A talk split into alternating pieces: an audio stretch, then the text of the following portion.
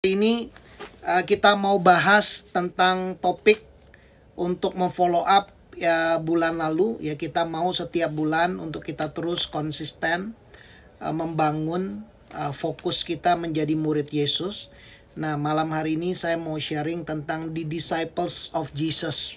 Ya, prinsip-prinsip uh, menjadi murid Yesus. Nah, kita melihat bahwa Yesus itu datang dengan sebuah misi yang jelas. Ya, di dalam Lukas pasal yang ke-19 ayat yang ke-10 dikatakan, sebab anak manusia datang untuk mencari dan menyelamatkan yang hilang. Jadi ini adalah misinya Yesus. Yesus dalam hidupnya punya misi yang jelas. Misi hidup Yesus adalah dia datang untuk mencari dan menyelamatkan yang terhilang. Nah, bagaimana dengan kehidupan kita hari ini? Apakah kita masih punya misi yang sama? Nah, di dalam firman Tuhan ya, kita kemar bulan yang lalu kita sudah membahas ketika Yesus memanggil murid-muridnya di dalam Matius 4 ayat 19 dikatakan, "Ikutlah aku, maka kamu akan kujadikan penjala manusia." Jadi Yesus sendiri yang akan membentuk kita, menjadikan kita ini penjala manusia. Nah, buat kita, bagian kita adalah apakah kita punya hati yang mau dibentuk oleh Tuhan. Kita harus punya hati yang sama seperti hatinya Tuhan, ya. Untuk kita siap dibentuk oleh Tuhan menjadi penjala manusia, Tuhan mau kita punya sikap hati yang committed, ya, committed to change. Bagaimana kita punya committed komitmen untuk kita diubahkan menjadi penjala manusia. Nah, sebagai murid-murid Tuhan, Tuhan mau kita mengikuti teladan Tuhan. Tuhan mau kita mengikuti jejaknya Tuhan. Nah, di dalam Lukas 5 ayat yang ke-11 saya mau baca di dalam terjemahan Amplified Bible dikatakan seperti ini. After they had brought their boats to land, they left everything and follow him. Jadi murid-murid ketika murid-murid yang pertama mereka habis menjala ikan di dalam Lukas 5 dapat ikan begitu banyak tetapi ketika Yesus berkata ikutlah aku mereka meninggalkan segala sesuatunya. Dan mereka mengikuti Yesus dikatakan becoming his disciples believing and trusting in him and following his example. Jadi murid-murid itu meninggalkan segala sesuatu menjadi murid-murid Yesus mempercayai, percaya dan mempercayakan hidup mereka kepada Tuhan dan mereka mengikuti teladan Yesus. Nah, bagaimana dengan kehidupan kita hari ini? Apakah yang menjadi visi kita atau kita sedang hidup dalam visinya Tuhan buat kehidupan kita? Tuhan mau kita hidup dalam visinya Tuhan buat kehidupan kita. Visinya Tuhan buat kehidupan kita adalah Tuhan menjadikan kita penjala manusia. Kalau kita ada masih diberi kesempatan hidup di dunia ini untuk satu alasan, untuk satu tujuan yaitu menjadi penjala manusia. Jadi untuk itulah eh, teman-teman uh, kita ada di bumi ini ya untuk menjadi penjala manusia. di dalam Lukas 5 ayat 27 dikatakan, After this Jesus went out and noticed a tax collector named Levi, Matthew, sitting at the tax booth. And he said to him, Follow me as my disciple, accepting me as your master and teacher, and walking the same path of life that I walk. Jadi, Yesus bertemu juga dengan seorang pemungut cukai namanya Matius, seorang Lewi atau Matius, dia sedang duduk di dalam tempat dia bekerja dan Tuhan berkata, "Ikutlah aku." Ya, jadilah muridku terima aku sebagai Tuhan, Tuhan dan gurumu. Kalau Yesus adalah Tuhan dalam hidup kita, kita harus melakukan apa yang Tuhan kita suruh kita lakukan. Dan dia bukan hanya Tuhan, dia akan mengajar kita cara kita melakukannya. Makanya Yesus berkata, kamu akan kujadikan penjala manusia. Dan Tuhan mau kita berjalan sesuai jalan yang sama seperti Yesus. Yesus datang dengan satu misi untuk mencari dan menyelamatkan yang terhilang. Jadi yang pertama sebagai murid Yesus, kita harus punya misi yang sama seperti Yesus. Misi Yesus ketika di bumi ini bukan punya rumah mewah, bukan kejar kekayaan, bukan punya bisnis yang besar. Yesus datang untuk menyelesaikan pekerjaan Bapa.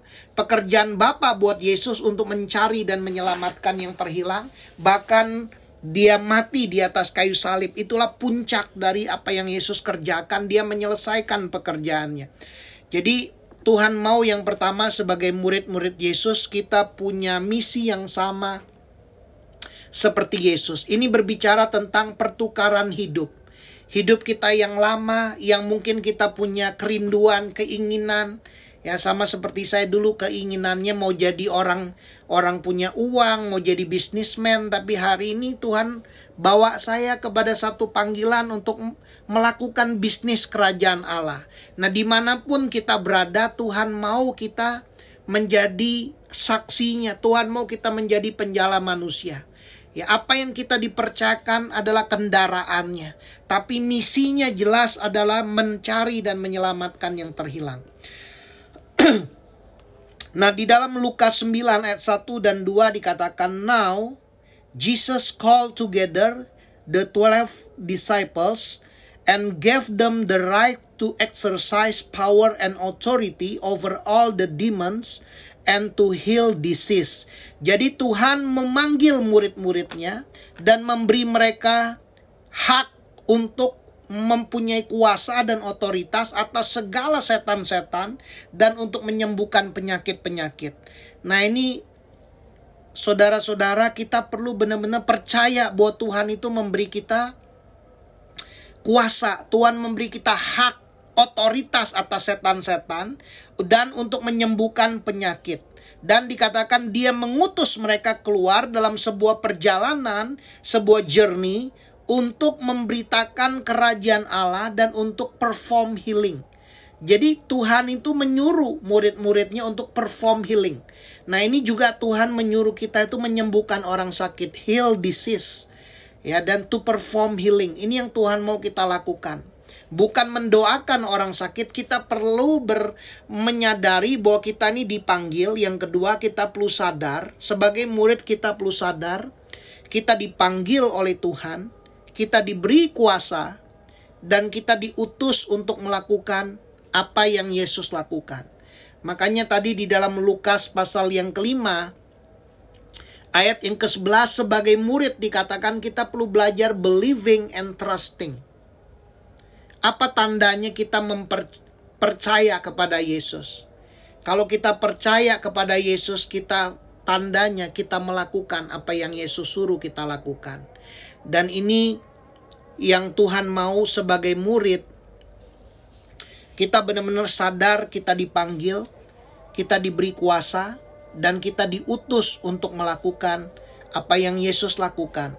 Nah, di dalam Lukas 9 ayat yang ke-11 dikatakan, So, murid-murid they began going from village to village preaching the gospel and healing the sick everywhere.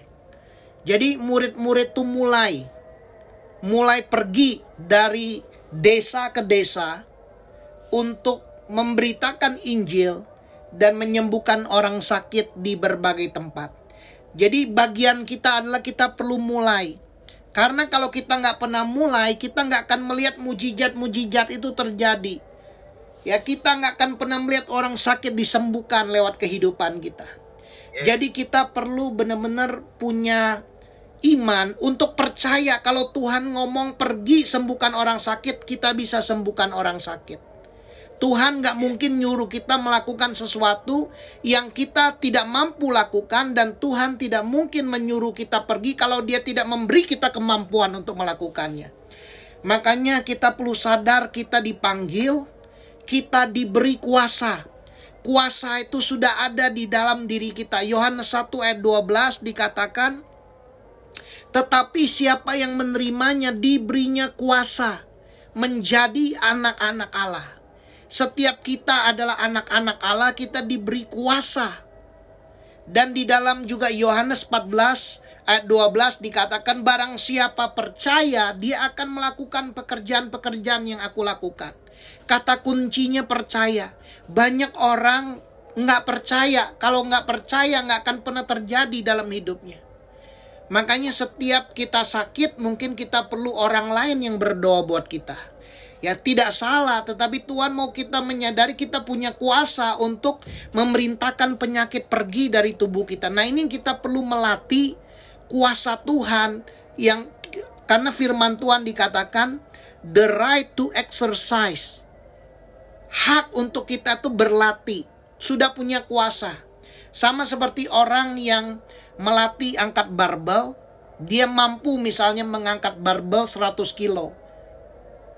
Dia punya, tapi pada mulanya dia nggak langsung ngangkat barbel 100 kilo. Dia perlu melatih mungkin dari 20 kilo dulu, terus naik ke 25, naik ke 30, naik 35, naik 40 sampai bisa 100 kilo. Nah demikian juga Tuhan tuh memberi kita hak untuk kita melatih kuasa dan otoritas atas segala setan-setan. Nah ini kita perlu latih. Murid-murid pun pada pertama kalinya ngusir setan, setannya nggak keluar. Tapi kita melihat bagaimana murid-murid yang sama, orang yang sama setelah mereka dipelengkapi dengan kuasa roh kudus, ketika Petrus berjalan Bahkan bayangannya menyembuhkan orang sakit. Semua orang yang kena bayangannya disembuhkan. Bahkan sapu tangan Paulus. Orang yang sakit ditaruh sapu tangan dan sapu, orang itu disembuhkan. Jadi saudara-saudara ayo kita mulai. Mulai pergi. Kita perlu menyadari Tuhan aku mau punya hati misi yang sama seperti Tuhan. Ingat saudara kita hidup di dunia ini hanya sementara kitab Mazmur berkata kalau kuat 70 tahun, kalau kuat lagi 80 tahun. Nah, kita perlu benar-benar memakai waktu kita yang singkat di bumi ini untuk kita mengerjakan panggilan Tuhan atas hidup kita. Tuhan mau menjadikan kita penjala manusia. Dan yang ketiga, murid-murid berjalan dalam ketaatan. Di dalam Lukas 9 yang ke-11 tadi dikatakan mereka mulai pergi dari desa ke desa memberitakan Injil dan menyembuhkan orang sakit di berbagai tempat. Nah, di dalam Lukas 9 ayat 23, Yesus berkata seperti ini. Yesus berkata kepada murid-muridnya, setiap orang yang mau mengikut aku sebagai muridku, ia harus menyangkal dirinya. Set aside selfish interest. Dia harus mengesampingkan apa yang menjadi kepentingannya pribadi, apa yang menjadi keinginan egonya. Dan dikatakan take up his cross daily. Kita harus pikul salib setiap hari. Expressing a willingness to endure whatever may come. Jadi kita mengekspresikan sebuah kerinduan, kemauan untuk kita ini menanggung hal-hal yang akan datang. Dan dikatakan follow me, believing in me and conforming to my example in living. Jadi Tuhan mau kita percaya kepada Tuhan. Kalau kita percaya kepada Tuhan, kita menjadi muridnya Tuhan, kita mengikut Tuhan, kita ini dikonform. Conforming dikatakan to my example in living. Hidup kita ini harus benar-benar belajar untuk ikut apa yang Tuhan seperti cara hidupnya Tuhan. Dan dikatakan if need be suffering, mungkin juga akan mengalami penderitaan. Perhaps dying because of faith in me. Bahkan meninggal karena iman kita kepada Tuhan.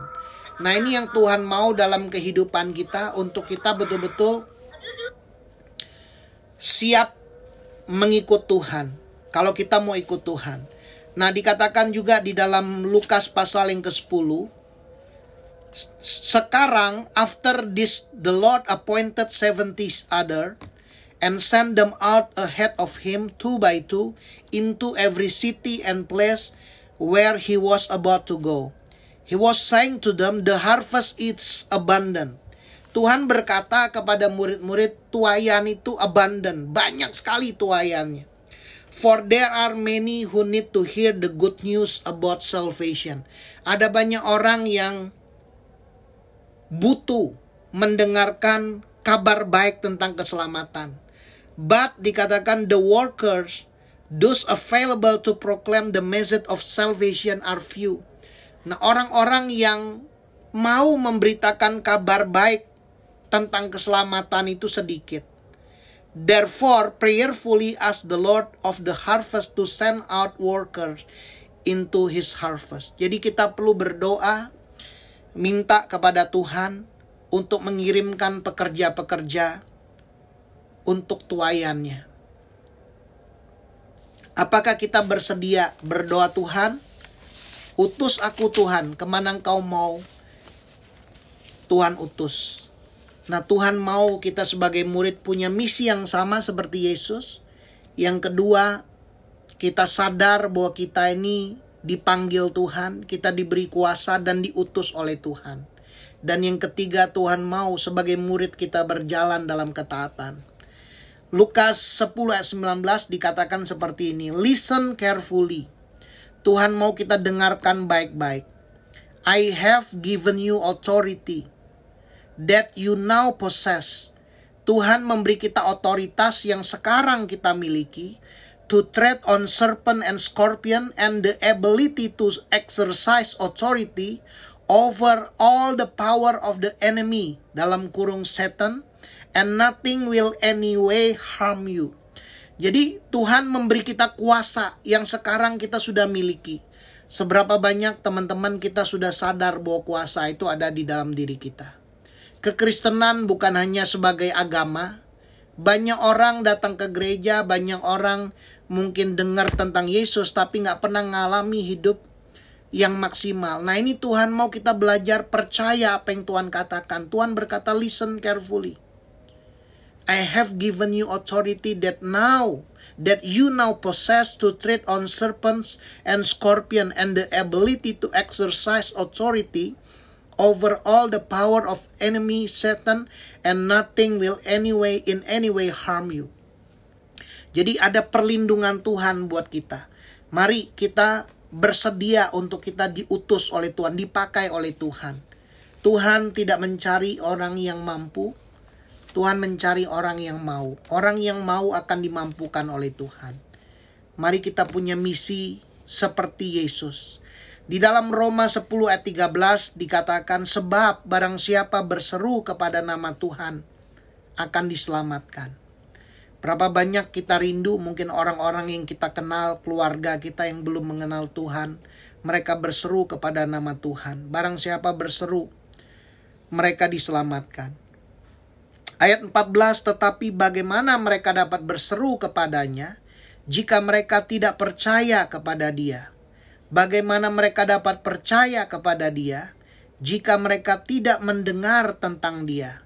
Dan bagaimana mereka mendengar tentang Dia jika tidak ada yang memberitakannya?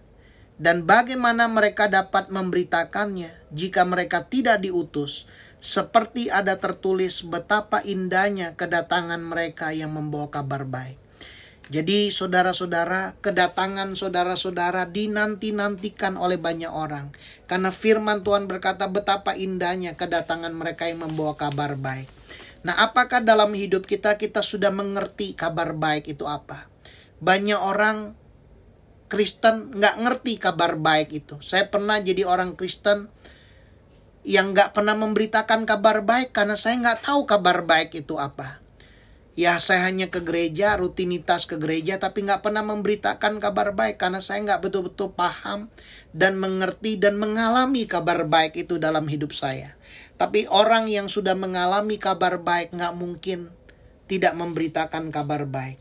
Nah mari kita punya misi yang sama seperti Yesus. Mari sebagai murid-murid kita sadar kita ini dipanggil.